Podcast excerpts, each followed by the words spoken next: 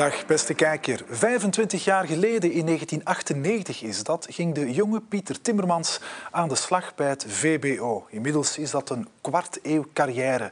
Niemand heeft zoveel ervaring in sociaal overleg als de topman van het Verbond van Belgische Ondernemingen.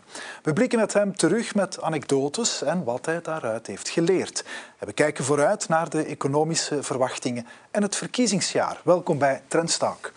Meneer Timmermans, ik uh, wil u feliciteren. Uh, het is zoals bij een huwelijk, een zilveren jubileum. Maar ik wil uw vrouw niet bruskeren. U bent gehuwd, maar toch ook een beetje gehuwd met het VBO.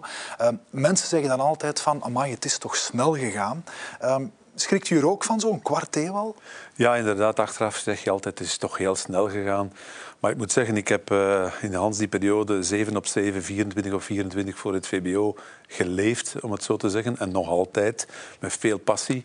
Uh, in zoverre zelfs dat, dat ik gelukkig ben dat mijn echtgenote soms eens zei, stop, stop, hier en niet verder. Wij hebben ook nog een, een privéleven wat ik ten andere zeer sterk uh, waardeer.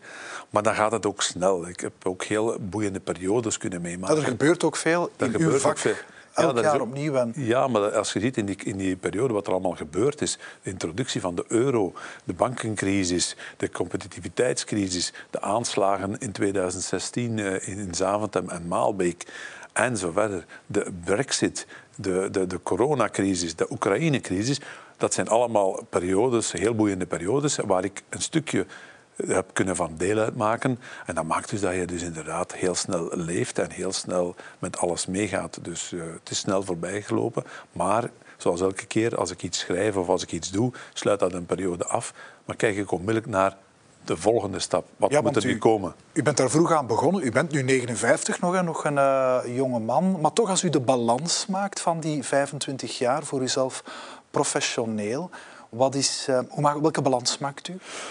Wel, uh, ik heb heel veel dingen zien veranderen. Uh, de, de maatschappij en, en de ontwikkelingen in de maatschappij die zijn versneld. De, de, de, de, de wijze waarop een maatschappij verandert, de digitalisering, heeft enorme impact gehad. Want 1998, dat is een tijd waar het, het nieuws werd nog geconsumeerd, s'avonds om 7 uur voor wel, televisie, voor mij, s ochtends in de krant.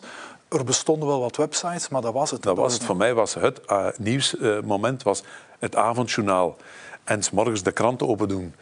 Uh, en dat was ook op dat moment een heel andere manier van journalistiek. Dat was verslaggeving, dat was uh, checken van bronnen, dat was zorgen dat er gedegen communicatie was. En dat betekent ook voor ons als, als verantwoordelijke van een organisatie dat we daar op die manier mee omgingen. Door de jaren heen is het veel persoonlijker geworden, veel directer, ook veel ruwer. En, en, ik moet zeggen, ik heb het daar altijd toch, toch meer en meer moeilijk mee, omdat ik iemand ben die gaat voor de inhoud, voor het resultaat, voor de oplossing, voor de vooruitgang. En ik heb de indruk dat we vandaag toch wel heel sterk in de waan van de dag uh, leven en de, het, het lange termijn perspectief. Waar willen we naartoe? Dat we dat meer en meer uit het oog verliezen. U heeft daar een, eh, een, een boekje over geschreven, ik haal het er even bij. Um, ehm, 25 anekdotes. Um, uit de Atoma-schriftjes. Dat eh, prikkelt al meteen de, de nieuwsgierigheid. Hoe is dit, uh, hoe is dit opgevat? Wel, uh, ik heb door mijn loopbaan heen altijd de gewoonte gehad om heel veel dingen te noteren. Ik heb zo misschien een, een, een tiental, vijftiental Atoma-schriftjes vol, vol gepend. Omdat en deze zomer was ik mijn bureau, mijn kantoor een beetje aan het, aan het ordenen. En dacht ik, zag die allemaal liggen. Ben ik daar beginnen in bladeren en, en in kijken.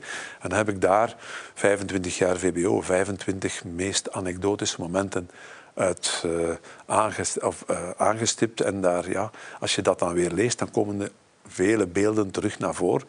Dat is het leuke, het anekdotische, uh, soms ook het speelse en het, en het ironische. Maar elke keer heb ik daar een bepaalde, bepaalde lessen, lessons learned aan verbonden. Wat kan ik daaruit leren? Waarom, zoals ik zei, als ik iets schrijf of iets, iets op papier zet, dan sluit dat iets af. Maar open ik onmiddellijk uh, het venster naar waar wil ik naartoe. En dit, in dit geval is het waar willen we in 2030 staan.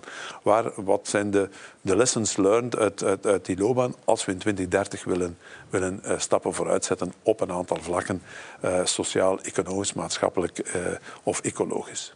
Ik wil het met u straks hebben over een aantal anekdotes en dus vooral de lessen die u eruit uh, geleerd heeft. Maar uh, toch, ja, we trappen hier een stuk in het najaar af. Het is, uh, het is eind september. Een korte vooruitblik op economie en politiek. Nu, wat die economie betreft, ehm, ja, in ons land zou je kunnen denken we blijven bespaard vergeleken met de andere EU-lidstaten van van een recessie. Maar er zijn adders onder het gras. Het planbureau ziet een groei van 1%. Eh, Eerder was er nog 3,2%. En u vreest ja, dat dat al maar gaat blijven dalen? Wel, um, u spreekt van adders onder het gras. Ik maak graag de vergelijking met een ijsberg. Ja. Een ijsberg en je bent aan de Noordpool of aan de Zuidpool en je vaart daartussen, dan zie je een mooie, een mooie top, een mooie, de top van de ijsberg boven de waterlijn. En dan kan je zeggen bij ons, oh kijk, we hebben een, een, een lichte groei van 0,1, 0,2 per kwartaal, 0,3. Dat is toch allemaal niet zo erg. Wij zijn niet in recessie, dat is juist. Maar 0,1, 0,2, 0,3 procent groei, daarmee gaan we het echt niet redden. Maar oké, we hebben geen recessie. De inflatie, de inflatie gaat wel naar beneden, maar blijft nog altijd op 4 procent kerninflatie uh, hangen. Dus dat is toch nog uh, niet, niet onbelangrijk. Maar als je dan wat verder gaat kijken en naar de ijsberg onder de waterlijn, al wat onder de waterlijn zit, houdt die ijsberg recht. Als daar barsten beginnen in te komen, dan kantelt die om. En dan zie je dus, ah, we hebben de koopkracht wel gevrijwaard, heel korte termijn uh, uh, protectie van de koopkracht, maar onze concurrentiekracht gaat achteruit. Als we weten dat... Misschien is het net als ik even over die eh, koopkracht daar mag op eh, inpikken, is natuurlijk, ja, in de individuele ervaring hebben we allemaal koopkrachtmaatregelen genoten tijdens corona. Nu de energiepremies. Uh, dat kan mensen misschien wat misleiden, het gevoel geven van ach, het gaat al bij al best goed. En dan wordt dat wat een fata morgana, want dat heeft iets gekost. En dat begint te wegen op die ijsberg onder water. Wel, inderdaad, we hebben heel veel inspanning gedaan om de koopkracht op peil te houden. Vaak ook via heel algemene lineaire maatregelen, omdat men snel moest zijn en, en, en, en niet kon genoeg cibleren. Dat is één punt. Daar hebben we heel veel geld tegenaan gegooid. Misschien te weinig doelgericht. Maar twee, toen werd altijd gezegd, dit is tijdelijk. We gaan tijdelijk een maatregel nemen. De begroting gaat tijdelijk in het rood gaan. Ja, nu kom je op een momentum, en ik heb dat toen al voorspeld, enkele maanden voor de verkiezingen zeggen aan de kiezer, weet wel, het was tijdelijk, we gaan er nu mee stoppen, dan zie je onmiddellijk hoe moeilijk dat, dat wordt. Zal dat ook de, de boodschap zijn in het uh, memorandum dat jullie ook maken in aanloop van deze verkiezingen? Er is jarenlang de focus geweest op koopkracht. Um, eigenlijk de fiscale hervorming die nu toch niet is doorgegaan, ligt het daar ook het, uh, dat was ook de doelstelling, um, dat die focus nu moet verlegd worden? Wij denken dat bij de volgende regering men moet starten met het definiëren van een vier, vijftal topprioriteiten. Zoals je een afgebakend. Afgebakend, topprioriteiten. werven. Werven waar duidelijk werk moet van gemaakt. Ten eerste, wij moeten onze concurrentiehandicap terug naar beneden halen en dus onze concurrentie van onze economie versterken. Ten tweede, die tewerkstelling, die 80% tewerkstellingsgraad, is absoluut noodzakelijk. Niet alleen voor onze begroting, maar ook om onze pensioenen mee betaalbaar te houden. Dus werk en pensioenen hangt samen. Ten derde, het energievraagstuk. We hebben daar een, of daar is een zeer goede beslissing nu genomen om samen met Engie een akkoord te maken om twee centrales open te houden.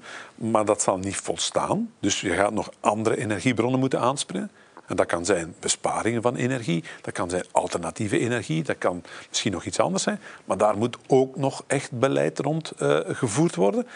En dan uh, uh, ten, ten vierde, dit allemaal moet er ook voor zorgen dat we de begroting, het begrotingstraject onder controle houden. En niet die begroting verder laten ontsporen. En als ik het heb over de begroting, want ik zie uh, premier De Croo uh, uh, verschijnen. Is, is niet alleen de begroting van de federale Dit zijn ook de regio's. Laat ons duidelijk zijn, vaak, en dat, dat, dat, vaak wordt er ook een verwarring gemaakt. Men spreekt over de begroting. En het enige wat men ziet is de minister van begroting van de federale regering of de eerste minister. Nee, het zal ook... Het is optelsom van de regio's, het is die federale regering die het moet verantwoorden, maar... De regio's en ook de lokale besturen. Hè. Ja. Um, volgend jaar zijn er verkiezingen op lokaal niveau eveneens. Wij weten dat in de aanloop naar de verkiezingen er altijd wat meer gespendeerd wordt. Dus het is de begroting van de NV België die belangrijk is. En daar moeten we vaststellen dat er niet echt een heel duidelijk akkoord bestaat of een plan bestaat over hoe dat onze federale overheid enerzijds en de regionale deelstaten, hoe dat die met elkaar een budgetair pact gaan maken. Dan zitten we bij die zo complexe financieringswet. Ja, dat heeft daar niet alleen met de, met de staatshervorming of financieringswet, maar ook gewoon van, oké, gaan we met elkaar als, N, als, als NV België, moeten wij ons voorstellen bij Europa. En Europa zal zeggen, België is on track of niet on track. Als Europa zegt dan, oh, opgelet, je moet daar even een tandje bij steken, dan straalt dat af op alle onderdelen van ons land. Dus iedereen zal een inspanning moeten doen. En als ik naar de regio's ga kijken, dan heeft Vlaanderen al een belangrijke inspanning gedaan, maar zal nog heel attentvol moeten zijn als ik het rapport van de SERF uh, daarover lees.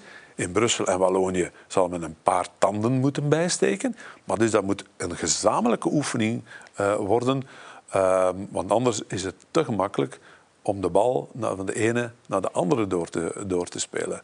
Uh, en daar uh, ja, zal bij de start van de volgende regering toch wel even een een duidelijke afspraak moeten over gemaakt worden. Dat is nu over de volgende regering. En als we nu op korte termijn kijken, in oktober deze week waren er de cijfers van het monitoringcomité. Het tekort loopt op tot 18,5 eh, miljard, weer een pakje meer dan, uh, dan een tijdje geleden verwacht. Um, Vivaldi wil gaan voor een besparing nog altijd van 1,2 miljard euro. Maar dan hoor je gisteren de staatssecretaris van Begroting, um, mevrouw Bertrand, die zegt ja, saneren doe je met onder meer extra belastingen, maar de werkende mensen gaan we niet meer belasten. Vreest u dan dat uh, die uh, overheid daar begeerige brik misschien zal laten vallen straks op de marges van de bedrijven? Wel, het is altijd in de aanloop naar verkiezingen een gemakkelijke prooi. Ik bedoel, ondernemingen stemmen niet. Ondernemingen kunnen niet uh, naar de stemhokje gaan. En dus uh, degene die men uh, aan de vooravond van verkiezingen nogal eens gemakkelijk viseert, dat zijn degenen die geen stem kunnen, kunnen uitbrengen. Ik denk dat dat een grote, grote fout zou zijn. Vandaag het signaal geven aan ondernemingen, weet je wel, we gaan bij u uh, de oplossing gaan zoeken voor een budgetair probleem met een concurrentiehandicap die oploopt, met investeringen die misschien onder druk staan. Uh, en, en, dergelijke meer. En alle investeringen die nog moeten gebeuren in zaken digitalisering en uh, ecotransitie enzovoort, enzovoort. Dat zou, denk ik, geen, geen, goede, geen goede oplossing zijn. Ze dreigen het te doen, want men is bang van die burgers. Die burger die zo bezig is met koopkracht. Ja, Dan en, kan je makkelijk bij de bedrijven gaan kijken van jullie maken toch ja, wat winst. Maar, maar op het einde van een legislatuur is het altijd uh, een beetje speciaal. Hè? Men zoekt dus ja. naar oplossingen, dus men zal ook nu wel naar, naar, naar wat oplossingen zoeken. Maar wat ik voor pleit is ontzie uh, de ondernemingen maximaal om de heel eenvoudige reden. Je bent de tak aan het afzagen, af, afzagen waarop je zelf zit. Dus je hebt misschien dan tijdelijk in oktober een begroting die, die, die, die wat beter oogt dan dat ze is. Maar je krijgt ontegensprekelijk de weerslag volgend jaar of de jaren daarop. En dus je moet tot een evenwichtig pakket komen van, heb ik begrepen, wat extra inkomsten uh, ook uh, duidelijk kijken naar, naar, naar, naar, de uitgaven. En dan een derde post, ja, dat is zo'n beetje varia. Uh, dus 1,2 miljard is denk ik een doenbare, een doenbare oefening. maar het zal natuurlijk naar de toekomst toe niet met die 1,2 miljard zijn dat we onze vergrijzingsproblemen, nee, nee. en onze energieproblemen en onze budgettaire problemen in het algemeen gaan oplossen. Terug naar u, naar die 25 jaar bij het uh, VBO. Als het uh, lukt, dan krijgen we van de regie nu achter ons een uh, foto van ehm, de toen nog jonge Pieter Timmermans, de zwartharige, je moet hier 34 jaar zijn. Um, dat was de eerste foto die men. Uh, officiële foto. De eerste officiële foto die men genomen heeft. De persfoto van. De persfoto. Ja, ja. Toen nog een andere functie. Directeur-generaal. Directeur-generaal. Dat was, dat was de, nummer, de nummer twee toen, zal ik maar zeggen. Uh, dat was in opvolging van, uh, van mijn illustre voorganger Wilfried Bernhard. Trouwens, ja. uh, die nog altijd leeft. En, en, en, die mij, ja... Ah, die misschien mee straks. En, en, ja, en die, die ik echt nog wil groeten van hieruit. Ehm, ik heb hem ook een exemplaar van het boekje opge, opgestuurd, die mij ook ja, een van de eerste was die mij benaderd heeft om te zeggen van, ik ga stoppen op het, uh, op het VBO. Dat is misschien iets, uh, iets, iets, iets voor jou. Wel, want daar wil ik even, toen u werd benaderd, u was een uh, jonge dertiger, een kabinetaar bij Van Rompuy. We zitten in de tijd nog van de regering De Hanen. Hè? Ja. Hoe is dat gegaan? Wel, op een bepaald moment kwam Herman Van Rompuy mijn kantoor binnen en zei, kijk, het VBO en mij bepaalt Tony van de Putten, die toen mm. gedelegeerd bestuurder was, zal u contacteren. Uh, dat was, uh, ik denk, de dag na een, een overleg op, uh, op tussen de groep van tien en de regering, eh, het regeringstop. Dus dat wil zeggen, vermoed Dus op zo'n kabinet, u zag natuurlijk uh, ik was begroting, u ziet natuurlijk de figuren passeren ik in was, Ik was de sociaal adviseur, zal ik maar zeggen, van, van Herman van Rompuy. Pardon, op zijn begrotingskabinet. Dus ik kende ook wel al die begrotingen van sociale zekerheid van binnen en van buiten. En ik volgde dus ook wel een beetje wat er allemaal aan, aan, aan, aan gebeurde. En het verwonderde mij dus niet dat, uh, dat hij dat kwam zeggen. Ik vroeg waarover gaat het. En zal dat wel zien. Ja. Dus typisch uh, Herman van Rompuy. Uh, geeft u een signaal en, en je zult het dan wel ontdekken. En inderdaad, een paar dagen later heb ik een eerste gesprek gehad met, met Tony van de Putten. Ook dan met Wilfried Bernhard, met de toenmalige voorzitter... Um, Charles Bone, die dus de toenmalige CEO was van Lotus, Lotus ja. Speculoos die mij de, de wijze woorden zei, u zal onderhandelaar zijn voor het VBO, sociaal onderhandelaar, maar besef één ding, u moet geen akkoord sluiten. U moet alleen een akkoord sluiten als het een goed akkoord is. Een echt compromis. Uh, u noemt daar uh, ook Tony van de Putten, die zijn afbeelding uh, zagen we, zien we nu achter ons of er net achter ons. Ehm, in het boek ook hè, schrijft u vol respect over hem als ook een van uw leermeesters.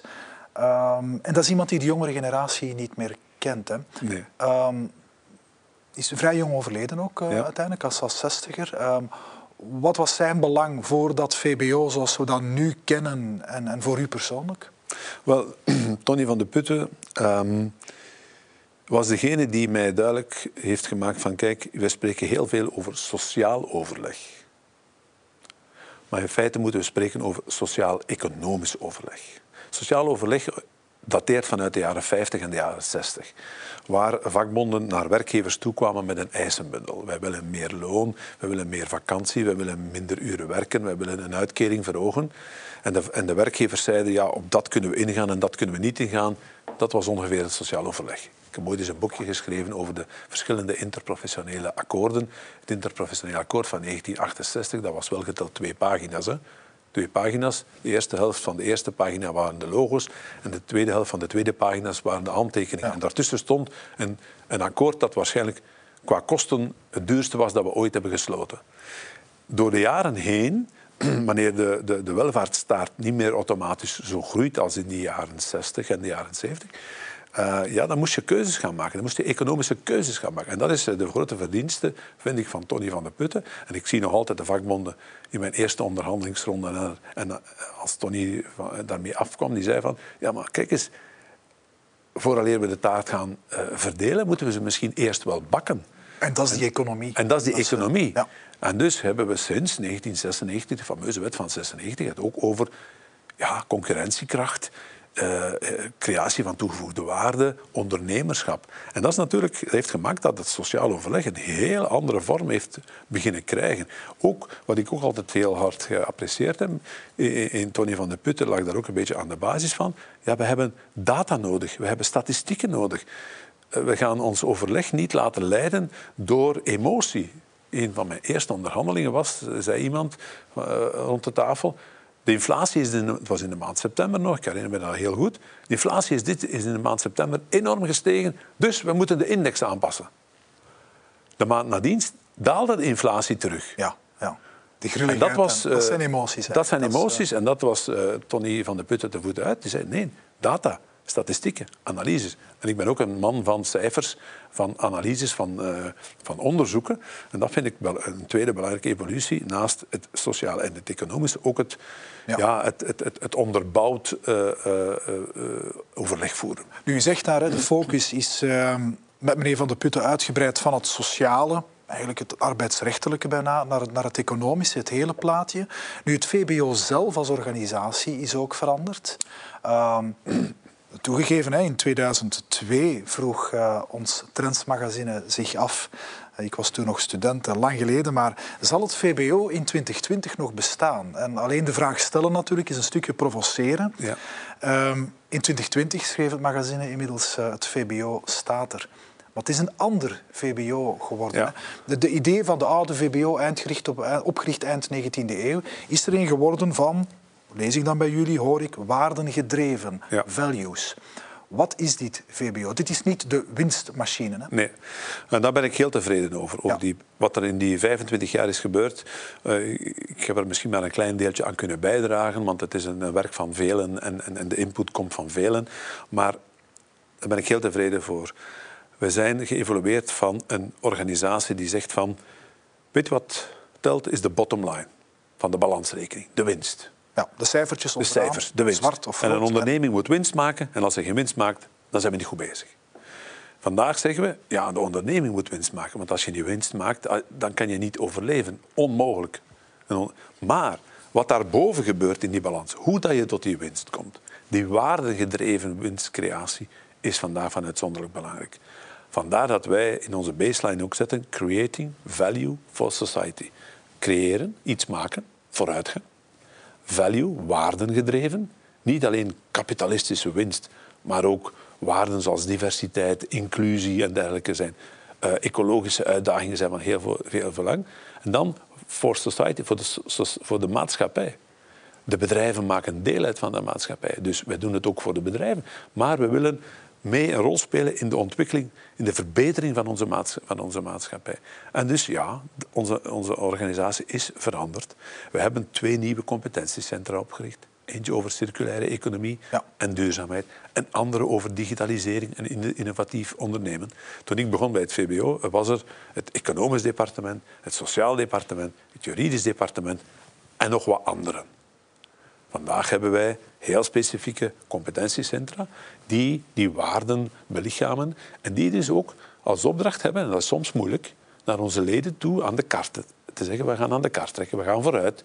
We willen mee die transitie ondersteunen. We gaan duidelijk zeggen waar de grenzen liggen van de ecotransitie in onze ogen. En dat botst vaak met, met, met, met, met, eh, met degenen die, die heel voluntaristisch zijn. Dus wij bouwen altijd een realisme in. Maar we zijn een kwalitatieve eh, gesprekspartner of een gesprekspartner die op basis van kwalitatieve elementen, op basis van data, van kennis en studie, mee participeert aan het debat. Ik weiger te zeggen dat wij een lobbyist zijn. Wij zijn een participatieve eh, of, een, of, een, of een organisatie die deelneemt aan de debatten met de bedoeling om vooruitgang te boeken, om oplossingen te zoeken. Dat is een, een fundamentele verandering van het, eh, ja, de richting van die organisatie, de ambities, de devies. Ehm, u schrijft, u vertelt er net ook, en u schrijft natuurlijk ook hoe eh, de samenleving een stuk verandert, een stuk het publieke debat verruwd is. En dat zijpelt natuurlijk door tot in dat sociaal-economisch eh, overleg. Ehm, in het boek betreurt u het feit dat die groep van de tien ehm, ja, de autonomie wel eens verliest, dat de regering het moet overnemen. Maar u heeft het ook over eh, de vakbonden, vaak die als partner tegenover u zitten, dat die, eh, zegt u ook in trends, dat die radicaler zijn geworden. Infiltratie van extreme elementen. Wat bedoelt u juist en hoe merkt u dat? Wel, je hebt, dat hangt samen ook met de maatschappij en de evolutie van onze, van onze maatschappij in het algemeen. Toen ik begon, bestond de regering uit vier partijen. Vandaag hebben we er al zeven. Ondenkbaar vandaag. dus. Vandaag hebben we er zeven nodig, misschien volgende, volgende keer acht of, of, of, of misschien nog meer. Dus die versnippering, die radicalisering, die verruwing, het spelen op de man en pas dan op de boodschap, ja, automatisch heeft zich dat ook, eh, of is dat ook geïnfiltreerd in het, in het sociaal overleg. Dat is één. Twee, hebben wij door de jaren heen een aantal dossiers, we moeten daar duidelijk over zijn, omdat er geen consensus mogelijk was. En die consensus is altijd veel gemakkelijker als de koek groeit. Maar als de koek stagneert Ja, of verkleint, is dat altijd moeilijk. Maar hebben we dossiers uit onze handen gegeven. De kinderbijslag destijds, dat maakte deel uit van de sociale zekerheid, is geregionaliseerd, is opgesplitst. Uh, bijvoorbeeld uh, is, is, is geregionaliseerd en opgesplitst. Hebben we uit ons handen gegeven. De welvaartsenveloppen de laatste jaren hebben we uit ons handen gegeven. Het loonoverleg ligt zeer moeilijk. Uh, en, en, en, en, komen we niet tot, tot, tot afspraken of zeer moeilijk tot afspraken. En inderdaad, we moeten dat vaststellen in, in, in syndicale middens. Ik denk niet dat ik daar een, een geheim vertel, want sommige vakbondsvertegenwoordigers zeggen het ook in kranten en, en, en, en of ja, tussen de lijnen. Hè, de populaire PTB in België. krijg je dus ja, ook extremen krijg je ook een stukje verhuwing, krijg je ook het spelen op de man of op de vrouw. Je bedoelt de communisten hè, met PTB, PvdA? Ja, dat, die, ja, Die, die, die hebben een bepaalde visie op, op, op de dingen en die maken inderdaad dat het, het, het, het sluiten van een compromis, zoals ik zeg, een compromis in mijn ogen is geen vuil woord. Maar een compromis betekent geven. Want dat heeft wel wat een negatieve bijklank. Ja. Het zijn slecht, slechts compromissen. Ja, en ik vind dat, ik vind dat echt niet. En dan is het nooit voor geen van beide goed. Ja, want een compromis betekent dat je elkaar begrijpt en dat je zegt van wij hebben een gemeenschappelijk doel en we willen iets samen doen. Als je geen compromis kan sluiten, moet je niet in, onze, in, in het overleg treden, moet je niet in de politiek gaan. En uh, zeggen van uh, als, je geen, als er geen compromis toegelaten wordt, de facto, als je daarover doordenkt, dat is een dictatuur. Dat is een dictatuur. Dat is iemand dus die zegt, of geen beslissing. Of geen beslissing. Dus geen of een dictatuur. Ja. En, dan... en nee, daar ben ik echt niet voor. Dus ik ben voor het compromis en ik verdedig het compromis. En ik heb dat ook in mijn eigen organisatie en bij mijn echterbaan is dat ook niet evident. Ja, maar dan heb je ook een stukje verruwing. Als het daar verruwt, verruwt het daar ook. En ik zeg altijd, je, het is fijn om een keer goed op tafel te kloppen. Maar wat heb je daarmee dan bereikt als je nadien toch aan tafel moet zitten om tot een compromis te komen? Dus probeer afspraken te maken. En dat is toch een van de ontgoochelingen in de loopbaan, dat, dat ik gezien heb dat ja, op cruciale momenten, dat we, om, dat we om een of andere reden niet in staat waren of niet in staat zijn om uh, onze plaats in te nemen. En dat is zoals altijd, als je je plaats niet inneemt, dan nemen anderen je plaats in. Die moeilijkheid van een compromis, uh, dat zit natuurlijk ook in de politiek met een electoraal landschap dat er pakken anders uitziet dan in de tijd toen u begon met die ja, vier partijen die samen uh, voldoende waren om een federale regering te vormen. Als u al kijkt naar het moeilijk parcours van deze Vivaldi-regering met zeven partijen, waar ook niet de grootste partij de premier levert, en u legt dat af of ligt dat naast de peilingen met een slag om de arm, in zoverre dat die iets voorspellen. Maar dan ziet het er wel niet evident uit voor de vorming van een volgende regering. Houdt u uw ja, hart al vast voor eventuele stilstand, lange regeringsvorming, immobilisme? Wel, één eerste punt. Ik hou mij vandaag absoluut niet bezig. En ik zou ook vragen aan de politiek om dat niet te doen van wat als indien en welke coalitie is mogelijk of niet. Ik vind dat dat overbodige vragen. Waarom? Omdat de zondagavond, de 9 juni, dan liggen de is de zetelverdeling daar en dan weet je pas wat je echt kan doen. Ja, en de kiezers zetten inderdaad de tellers op nul, maar het is onmiskenbaar, zit je met heel Ja, maar vandaag de dag daarover gaan speculeren heeft geen enkele zin, want de zondagavond zegt elke politicus of elke partijvoorzitter dit zijn de kaarten en daarmee moeten we... Moeten we en al wat we daarvoor gezegd hebben, telt in feite dus niet. Dus doe dat dus niet. Wat ik het veel liever zou hebben, dat is dat we zeggen, wat gaan we doen na deze verkiezingen? Ik heb je daar juist de vijf, vier of vijf prioriteiten. werven. Dan moeten, we, dan moeten we, vind ik, dat is ons voorstel om daar... En daar, stapt u als VBO mee naar zo'n regeringsvorming? Als dat zouden wij, willen wij duidelijk zeggen. En verlies daarmee geen tijd. Ik ga nu de open deur intrappen. Ik zou liefst zo snel mogelijk een regering hebben die die prioriteiten aanpakt. Ja. Als we elkaar gaan verlammen, dan gaan we denk ik een externe factor krijgen die ons consignes gaat geven, die ons gaat verplichten om iets te doen. Wij gaan waarschijnlijk op het strafbankje gezet worden dan wat men noemt excessive deficit procedure op Europees vlak, omdat onze begroting niet op orde is. Of we gaan eventueel in het vizier komen van financiële markten die zeggen, wat is dat daar allemaal? Wel, als dat begint, dan is dat een zeer slechte zaak voor onze bedrijven, maar ook voor onze burgers. We mogen dat niet vergeten. Dus uh, maak op 9 juni s'avonds de balans op, maar ga snel aan de slag met de uitdagingen waarvoor we staan. Want de mensen vragen oplossingen. En als ik één ding geleerd heb, een regering die in het begin van de legislatuur zeer moedige maatregelen nee, misschien zeer moeilijke maatregelen. Was het moment in het begin moeten ze. In het begin. Ja. Die wordt op het einde van de legislatuur beloond. Jean-Luc Dehaene heeft in 1993 het globaal plan genomen. Dat was stakingen en acties. En in 1995 heeft hij de verkiezingen gewonnen.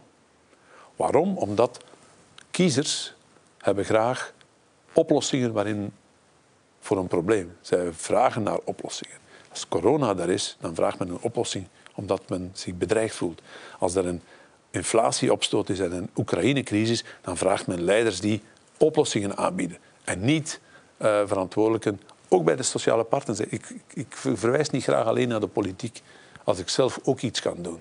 Ook wij als sociale partners, het zou goed zijn dat in de aanloop naar de verkiezingen of nadien sociale partners als groep van tien een boodschap kunnen geven aan de regering van zo zien wij het. We hebben dat geprobeerd in 2014 bij de start van de toen regering. Toen is het gewerkt hè, met de 25 procent. Ja, maar wij hebben toen ook een vraag gekregen van Chris Peters en Charles Michel, die toen de twee informateurs waren, om als groep van tien nog voor de regeringsonderhandelingen starten ontvangen te worden. Zij vroegen, wij willen jullie spreken. Sommigen wilden daar niet op ingaan in de groep van tien. Dat was een gemiste kans. Je moet als sociale partners willen deel uitmaken van het proces. Ofwel moet je langs de kant gaan staan en dan blijf je een pure lobbyorganisatie. Dat is een uh, goede boodschap om dit gesprek mee af te ronden. Wie meer lessen wil leren, die kan uh, terecht in het boek. staat op jullie, op jullie website, hè, voor wie het doet lezen als uh, pdf. Meneer Timmermans, gefeliciteerd met die 25 jaar. En ja, op naar dat belangrijk verkiezingsjaar en 2030 hè, voor het VWO. Voor mij is 2030 het jaar waar ik, waar ik naartoe werk. En, dus in de komende jaren gaat dat mijn, mijn doel zijn. Voilà, zeer fijn. Bedankt voor uw aanwezigheid. Graag gedaan. En uh, u ook, beste kijker, fijn dat u hier was. Kom volgende week zeker terug. Want dan heeft collega Francesca van Tielepaal Bulke te gast. Dat is zomaar eventjes de voorzitter van de raad van bestuur van de Zwitserse voedingreus Nestlé. En voorheen was zij CEO. Een uh, topgast dus met topverhalen en inzichten. Wees erbij volgende week. Graag tot dan.